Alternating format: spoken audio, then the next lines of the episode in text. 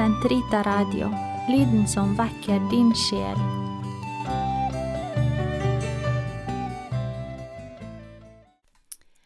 Karmels hage episode 40 Elisabeth av treenigheten del 3 La oss miste oss selv i den hellige treenighet, i den Gud som kun er kjærlighet. La oss bli båret av ham til de himmelske saler der bare Han er, bare Han.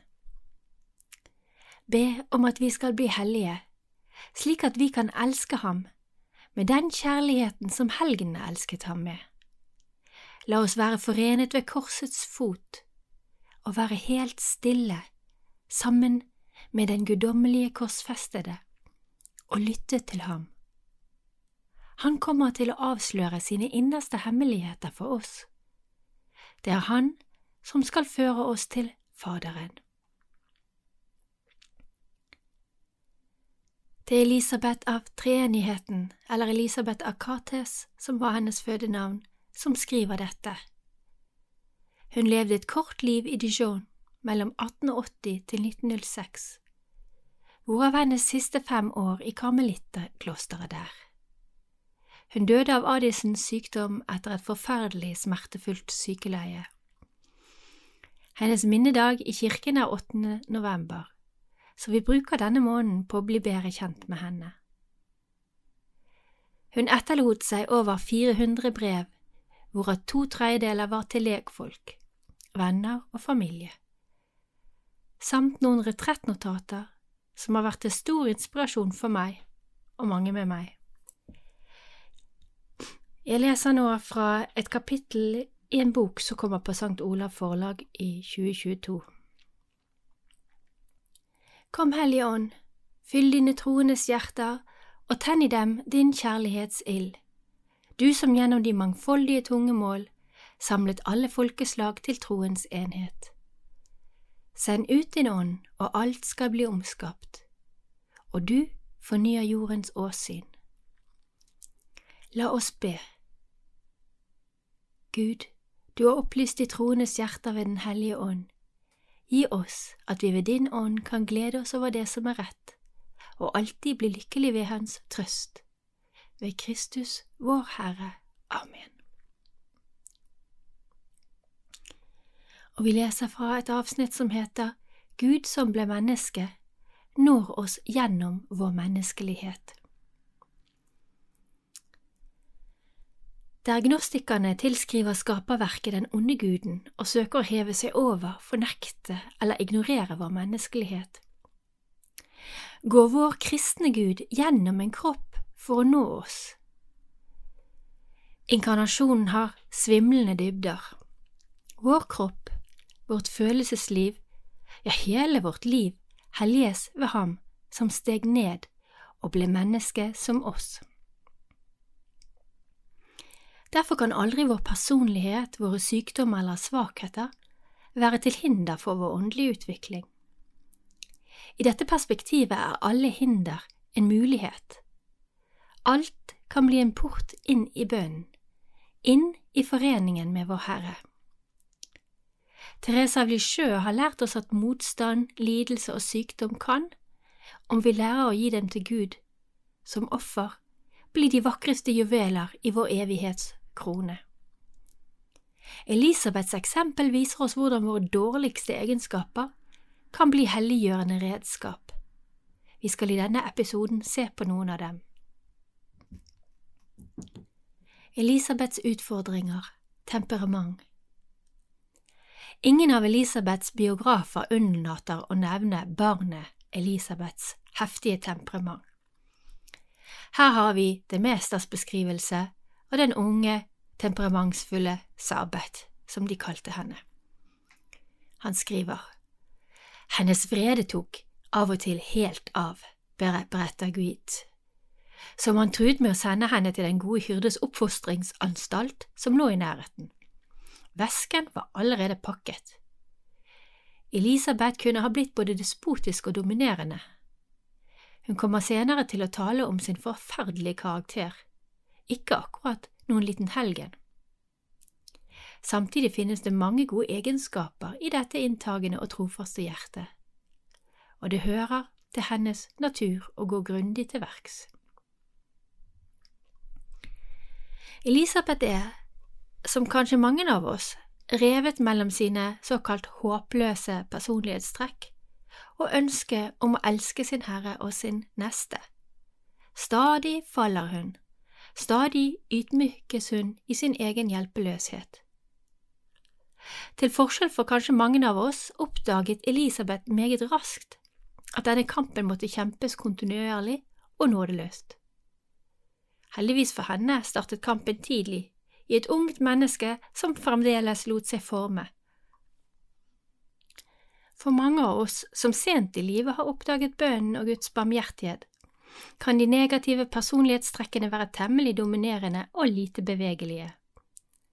Da er det ekstra viktig at vi lytter meget godt til Elisabeth, hun som på den ene siden forteller oss at lykken består i alltid å bøye vår egen vilje og fornekte oss selv, gjør likevel ikke dette helt alene. Gud er involvert.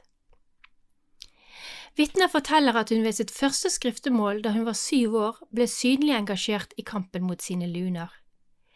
Ja, ikke bare kjempet hun fordi hun var blitt rådet til å gjøre det, hun satte sin fulle tillit til at Gud, når han fikk tre inn i henne ved hennes første kommunion, skulle gjøre det med henne. Ni og et halvt år gammel skriver hun. Siden jeg håper at jeg snart vil erfare den lykken og ta imot min første kommunion, vil jeg oppføre meg enda bedre, for jeg vil be til Gud om at Han må fortsette med å gjøre meg bedre. Åh, om vi kunne gjøre som henne, med slik total og barnlig tillit, overgi vår kamp til Ham, som i sakramentene lengter etter å dra oss til seg.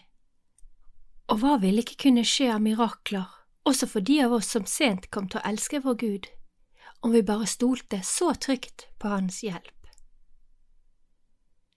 Elisabeths utfordringer overfølsomhet Det er mye som tyder på at Elisabeth av treenigheten var et meget følsomt barn. I hvert fall skriver hun selv i et spørreskjema like etter sin inntreden i Karmel at sensitivitet var hennes dominerende karakterfeil. I biografien om henne skriver Jennifer Moorcroft at denne sensitiviteten noen ganger viste seg som oversentimentalitet overfor sine venner, for eksempel, selv om hun lengtet intenst etter å lide for sin mester, kunne hennes sensitivitet bli dypt såret ved offentlig korreks, noe som var en stor del av novisiatets øvelse. Hun lot imidlertid aldri noen som helst aldri på noen som helst måte å avsløre at hun var såret. Kun hennes to priorinner visste om hennes kamper. Coen de Mester fremhever det samme i forordet til hennes samlede verker. For sensitive barn kan mye stimuli og mange mennesker føre til overaktivitet og sinneutbrudd. Andre barn igjen kan forsvinne inn i fortvilelse, slik som Teresa Lycheux. Kanskje er det ikke så rent få av de som trekkes til stillhet og bønn, som er utstyrt med en lignende sensitivitet. Kanskje de, som Elisabeth, etter hvert oppdager at det som i mangens øyne kunne bli sett på som en overfølsomhetsproblem, kan bli en stor skatt i bønnelivet. Elisabeths liv før inntreden i klosteret vekslet mellom aktivitet og stillhet, og noen ganger kanskje litt for mye pålagt aktivitet der hun på den ene siden elsket sine ferieturer rundt omkring i Frankrike på besøk hos venner og familie, elsket å spille tennis, piano, ja, for hun var en meget dyktig eh, pianist, og det ble forespeilet henne en fremtid innen musikk. Hun elsket å gå på tur med venner, men så skinner det klart igjennom hvor takknemlig hun er når hun får være alene i stillheten. Det er denne ensomheten i bønn som etter hvert gjør henne i stadig bedre stand til å leve det aktive livet som hun fremdeles må leve, ikke ulikt våre liv. I 1898 besøker de Lourdes, og hun skriver, Å, om du visste hvor velsignede stunder man får der, og så dypt grepet som man blir. Det kom ingen store pilegrimsmarsjer, vi kunne gå til kommunion ved grotten. Jeg elsker Lord og dens stillhet. Fra Jura skriver hun, Vi er på landet i en granskog, og vi tilbringer all vår tid utendørs. Det er så godt mellom trærne.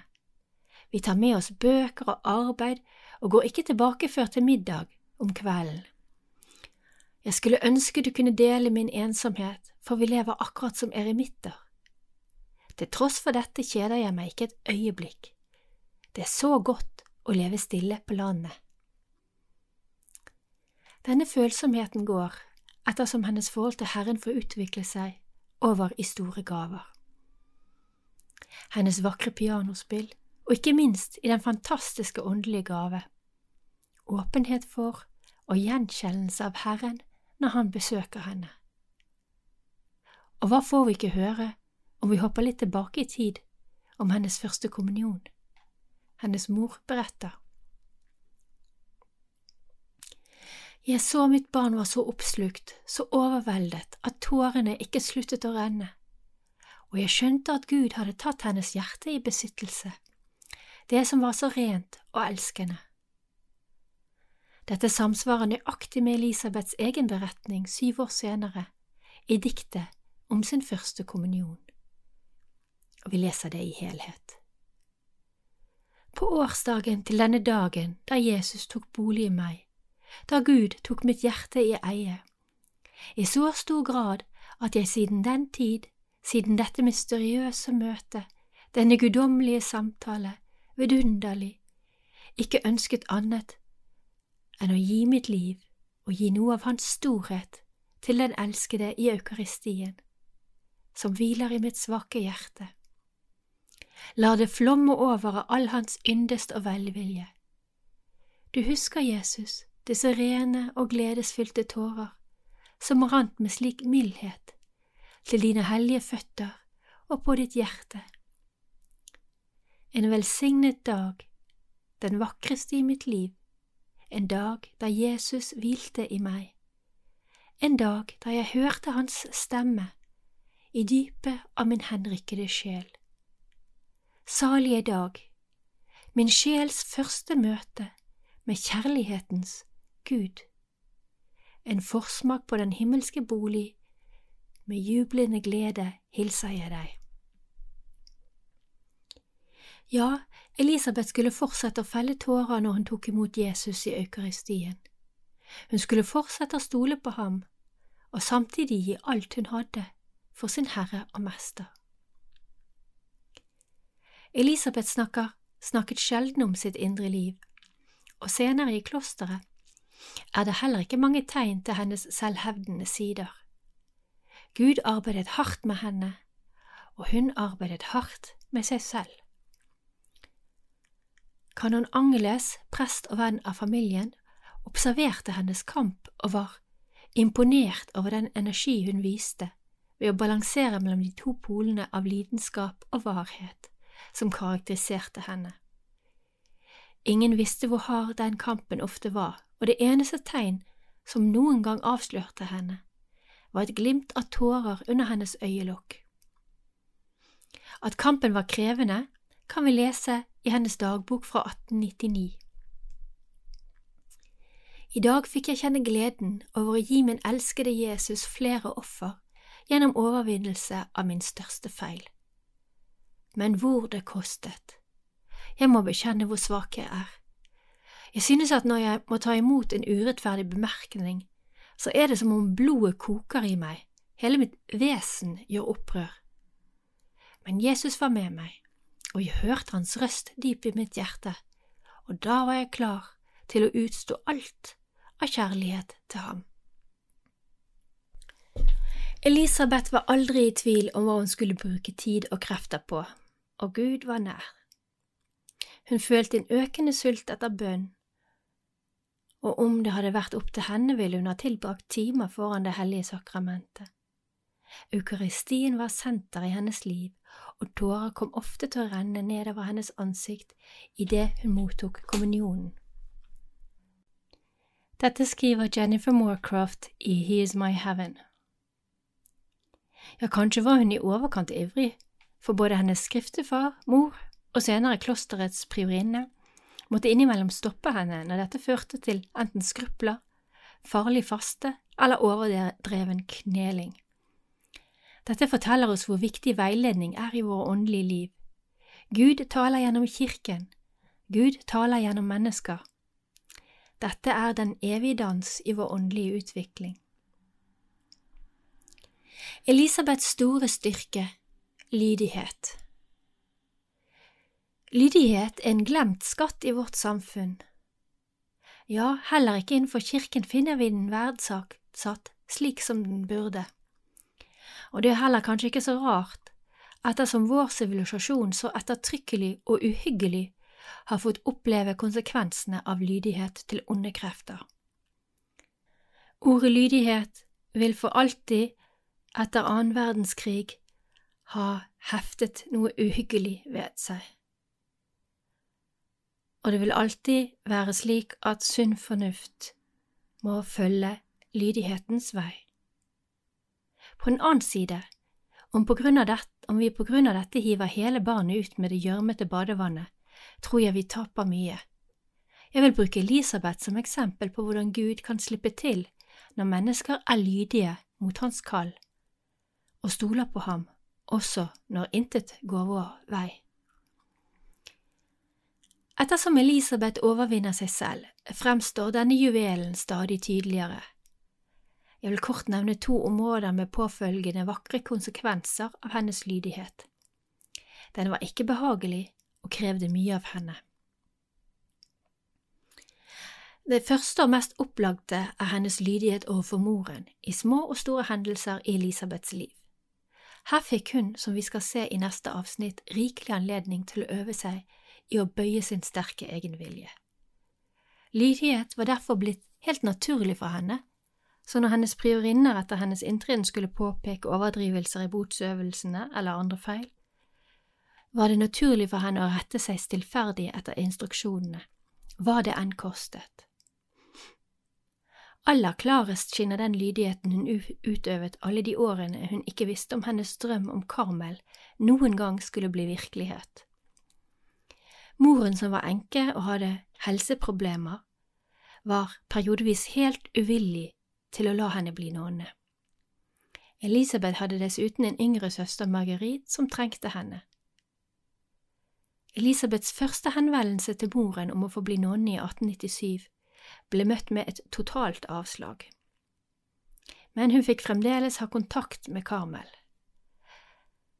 Hennes skriftefar Ab Selenet forsøkte vinteren 1897 å overtale madam Cates til å la sin datter tre inn i Karmel, noe som førte til at Elisabeth ble nektet av sin mor å sette sin fot i Karmel, både å gå til messe der og ha samtaler med priorinnen.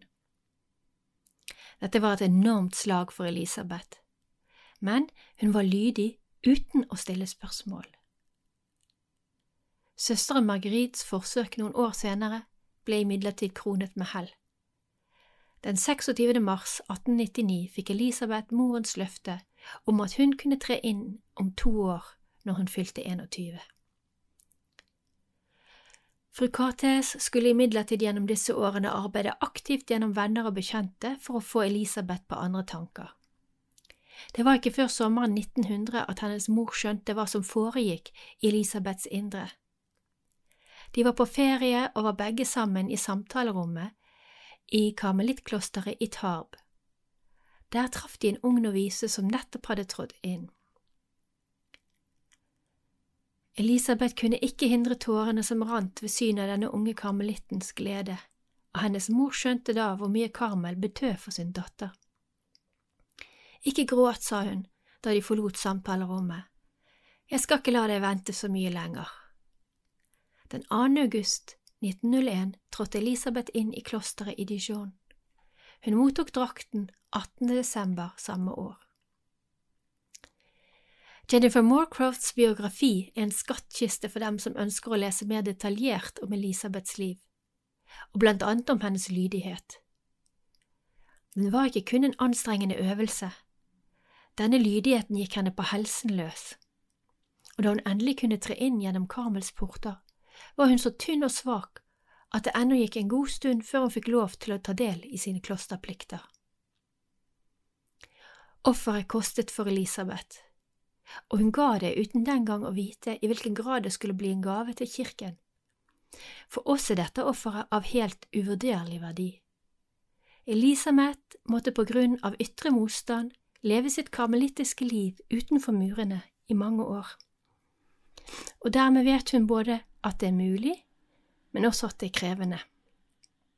Og derfor vet hun også å gi tilpassede råd om forkortede bønnestunder for sin slitne og syke mor. Samtidig som hun av hele sitt hjerte ønsker at hennes mor og venner skal få tre inn i denne dype uendelighet som er treenighetens favn, noe som krever tid, lang tid i stille, stillhet og bønn.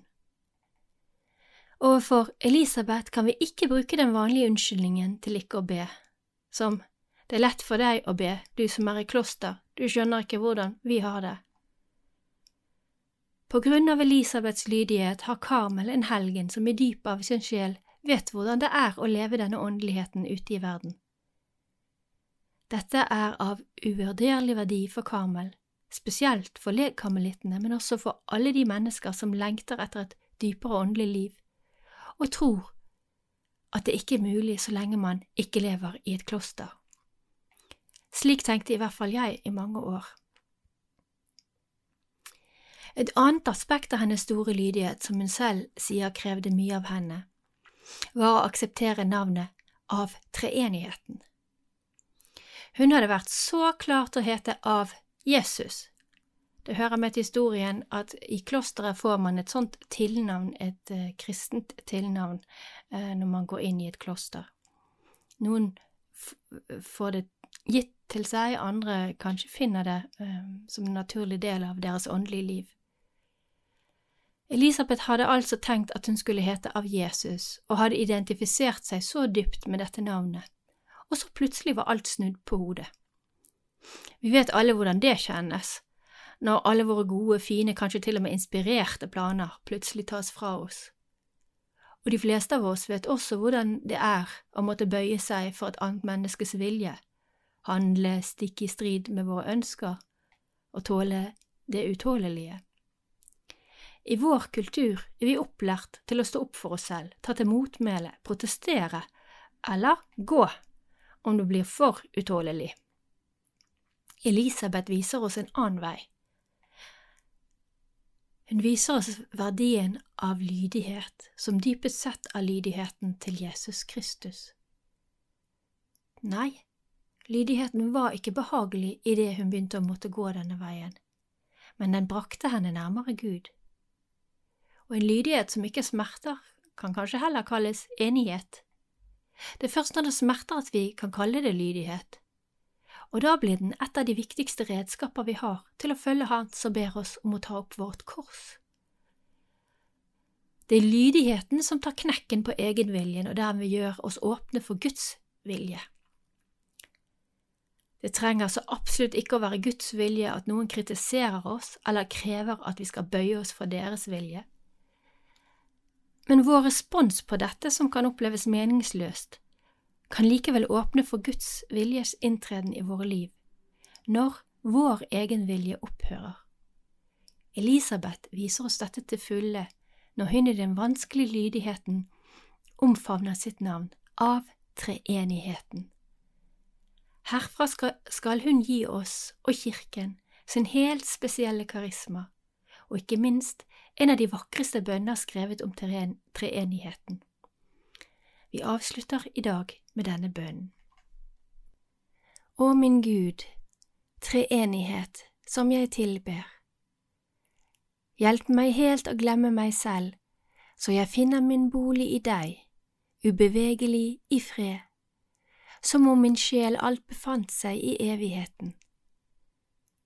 La intet forstyrre min fred eller trekke meg bort fra deg, du ubevegelige.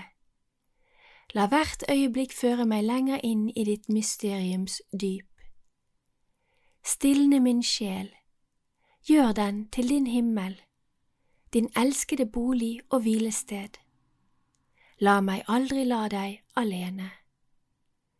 La meg være udelt til stede, helt våken i min tro, helt tilbedende, helt hengitt din skapende gjerning. Å min elskede Kristus, korsfestet av kjærlighet, jeg vil være ditt hjertes brud, jeg vil dekke deg med ære, jeg vil elske deg like til jeg dør av kjærlighet. Jeg kjenner dog min maktesløshet og ber deg derfor, ikle meg deg selv, la min sjel få del av hver bevegelse i din sjel. Overstrøm meg, innta meg, sett deg i mitt sted, så mitt liv får utstråle ditt liv. Tre inn i meg som tilbeder, som frelser og forsoner. Å evige ord, min Guds ord, jeg vil bruke mitt liv på å lytte til deg. Jeg vil gjøre meg helt lærenem og lære alt av deg. Gjennom hver natt, hver tomhet, hver maktesløshet vil jeg rette blikket mot deg for å bli i ditt veldige lys. Å, elskede ledestjerne, henfør meg, slik at jeg ikke får tre ut av din strålekrets. Å, fortærende ild, kjærlighetens ånd, kom over meg, la ordet inkarneres i min sjel. La meg bli for ham en ytterligere menneskenatur, hvor han helt fornyer sitt mysterium. Og du far, bøy deg ned over din fattige lille skapning, overskygg henne. Se ikke annet i henne enn din elskede sønn, han som har all din yndest. Å mine tre, mitt alt, min salighet, du grenseløse ensomhet, du uendelighet hvor jeg mister meg selv. Jeg overgir meg i deg som et bytte, begrav deg i meg, slik at jeg får begraves i deg, inntil jeg inntrer i ditt lys, for å skue din storhets bunnløse dyp. Amen. Hellige Elisabeth av treenigheten, be for oss.